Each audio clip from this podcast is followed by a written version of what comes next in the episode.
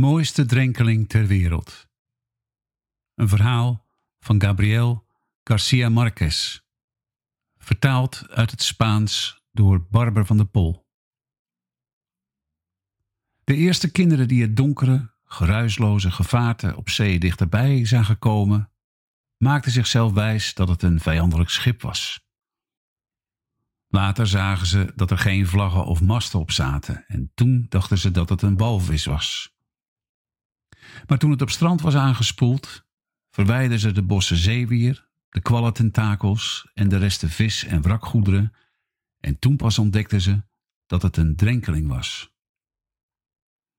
Ze hadden de hele middag met hem gespeeld door hem in en uit het zand te graven, toen iemand hen toevallig zag en alarm sloeg in het dorp.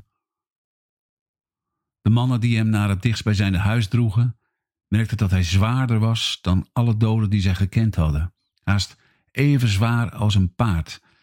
En ze zeiden tegen elkaar dat hij misschien te lang had rondgedreven en het water in zijn botten was gekomen. Toen ze hem op de grond legden, zagen ze dat hij een stuk langer was geweest dan alle andere mensen, want hij paste amper in het huis. Maar ze dachten dat het vermogen om na de dood te blijven groeien misschien in de natuur lag van bepaalde drenkelingen. Hij rook naar de zee. En alleen uit zijn gestalte was op te maken dat het om een lijk van een menselijk wezen ging, want zijn huid was overdekt met een korst zuigvis en modder. Ze hoefde zijn gezicht niet schoon te maken om te weten dat de dode een vreemdeling was. Het dorp bestond uit ten hoogste twintig houten huizen met stenen patio's zonder bloemen verspreid over het uiteinde van een woestijnachtige kaap. Er was zo weinig aarde dat de moeders altijd rondliepen met de angst dat de wind hun kinderen zou wegblazen. En de weinige doden die de jaren hadden opgeëist, moesten van de klippen naar beneden worden geworpen. Maar de zee was kalm en gul, en alle mannen pasten in zeven bootjes. Daarom hoefden ze elkaar maar aan te kijken om te weten dat ze compleet waren. Die nacht gingen ze niet uit vissen. Terwijl de mannen nagingen of er iemand vermist werd in de nabijgelegen dorpen, bleven de vrouwen achter om voor de drenkeling te zorgen. Ze haalden met proppen gras de modder weg, verwijderden de zeedistels die in zijn haar zaten geklit en schraapten de korst zuigvis weg met het gerei om vissen te ontschubben. Terwijl ze daarmee bezig waren, merkten ze dat de gewassen op zijn lichaam thuis hoorden in verre oceanen en diepe wateren, en dat zijn kleren er in flarden bij hingen, alsof hij door koraaldoolhoven had gedreven. Ze merkten ook dat hij zijn dood met trots droeg, want hij had niet de eenzame gelaatsuitdrukking van andere drenkelingen uit de zee, en ook niet het doffe, behoeftige uiterlijk van drenkelingen uit de rivier. Maar pas toen ze hem helemaal schoon hadden, drong het tot hen door wat voor een man het was, en ze stonden sprakeloos. Het was niet alleen de grootste, sterkste, mannelijkste en best gebouwde man die ze ooit hadden gezien, maar zelfs toen hij voor hun neus lag, paste hij nog niet in hun voorstellingsvermogen.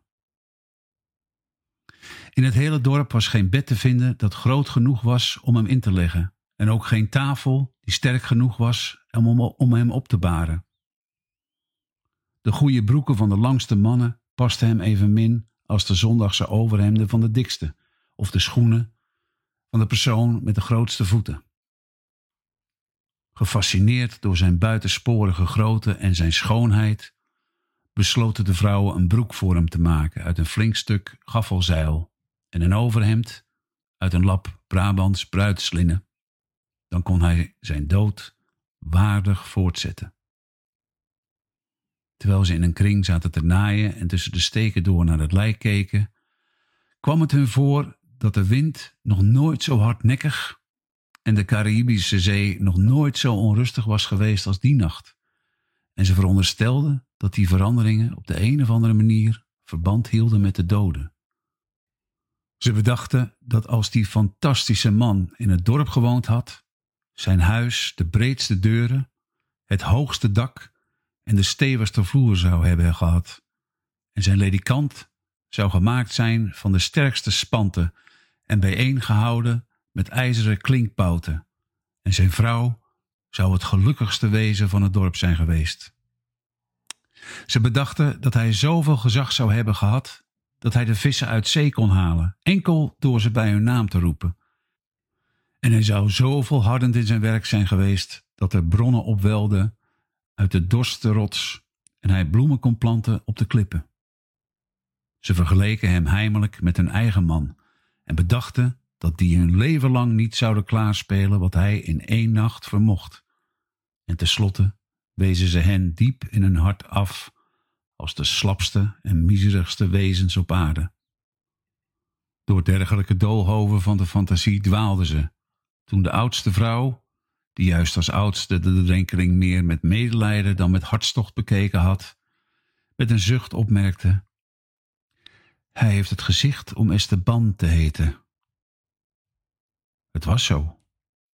De meeste van hen hadden aan één extra blik voldoende om te zien dat hij onmogelijk anders kon heten. De koppige vrouwen onder hen, en dat waren de jongste, hielden vast aan de illusie dat als hij zijn kleren aan had en met een paar lakschoenen aan zijn voeten tussen de bloemen lag opgebaard, hij ook best Lautaro kon heten. Maar het was een ijdele illusie. Er bleek te weinig goed te zijn, want de broek die slecht geknipt was en nog slechter gestikt, zat hem te strak, en de verborgen krachten van zijn hart deden de knopen van het overhemd springen. Na middernacht nam het fluiten van de wind af en de zee verviel in haar woensdagse dufheid. De stilte nam de laatste twijfels weg. Het was Esteban. De vrouwen die hem hadden aangekleed of zijn haar verzorgd, of die zijn nagels geknipt en zijn gezicht geschoren hadden, konden een huivering van medelijden niet onderdrukken toen er niets anders op zat dan hem op de kale grond te laten liggen. Op dat moment begrepen ze hoe ongelukkig hij moest zijn geweest met dat kolossale lichaam, als het hem zelfs na zijn dood nog dwars zat. Ze zagen voor zich hoe hij tijdens zijn leven gedoemd was om zijwaarts de deuren binnen te gaan, zijn hoofd te stoten tegen dwarsbalken en bij visites te blijven staan zonder te weten waar hij zijn gevoelige, roze zeekoeienhanden moest laten terwijl de vrouw des huizes de stevigste stoel voor hem pakte en hem doodsbenauwd verzocht: Gaat u hier maar zitten, alstublieft, Esteban. En hoe hij met zijn rug tegen de muur stond en met een glimlach zei: Maakt u voor mij geen drukte, mevrouw, het gaat best zo. Met ruwe hielen en met rood gloeiende rug van alsmaar hetzelfde herhalen, iedere bezoek opnieuw. Maakt u voor mij geen drukte, mevrouw, het gaat best zo. Alleen om zich de schande te besparen dat hij door de stoel zakte en misschien wel zonder ooit geweten te hebben hoe dezelfde die tegen hem zeiden: Gaat u nu al weg, Esteban? Wacht dan tenminste tot de koffie klaar is. Later achter zijn rug fluisterde: Hé hé, die enorme stommeling is weg. Gelukkig maar. Die idioot met zijn knappe smoel is weg. Daaraan moesten de vrouwen vlak voor zonsondergang bij het lijk denken.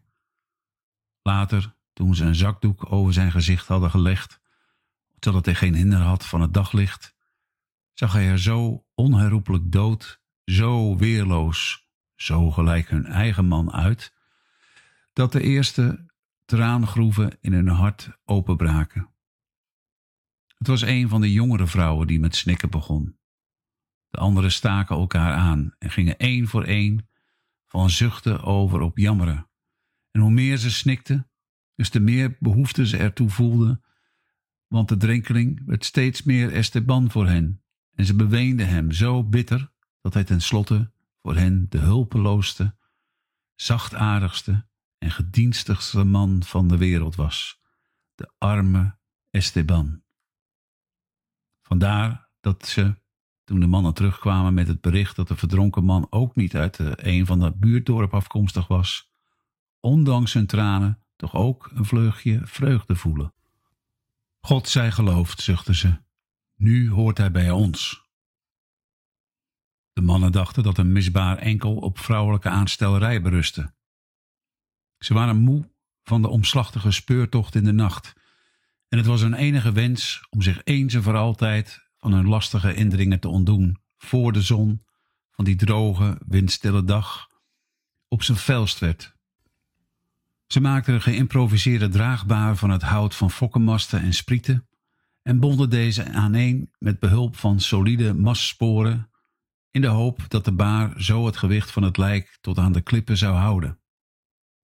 Ze wilden het anker van een koopvaardijschip aan zijn enkel vastmaken, zodat hij zonder moeite zou zinken tot in de diepste golven, waar de vissen blind zijn en de duikers sterven van heimwee, en zodat de kwade stromen hem niet naar de kust zouden terugspoelen, zoals met andere lijken was gebeurd.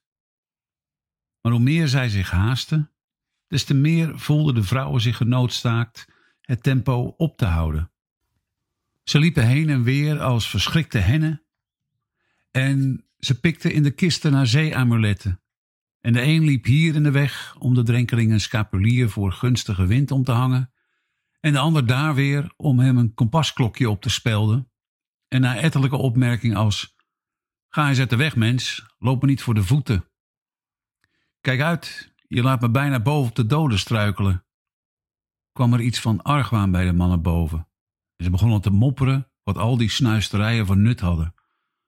Voor een wild vreemde notabene. Het was geen hoofdaltaar als ze dat soms dachten. En trouwens, de haaien vraten hem toch wel op hoeveel wijkwasten en wijwaterbakjes hij ook bij zich had. Maar de vrouwen bleven doorgaan met het verzamelen van hun prullige reliquieën. Ze bleven af en aan lopen, alsmaar struikelend, en als ze niet zuchtten, dan huilden ze wel, zodat de mannen tenslotte uitvielen en vroegen sinds wanneer er zo'n drukte werd gemaakt om een afgedreven dooie, een verdronken nul, een smerig lijk. Tot een van de vrouwen, diep gegriefd door een dergelijk gebrek aan gevoel, de zakdoek wegtrok van het gezicht van de dode.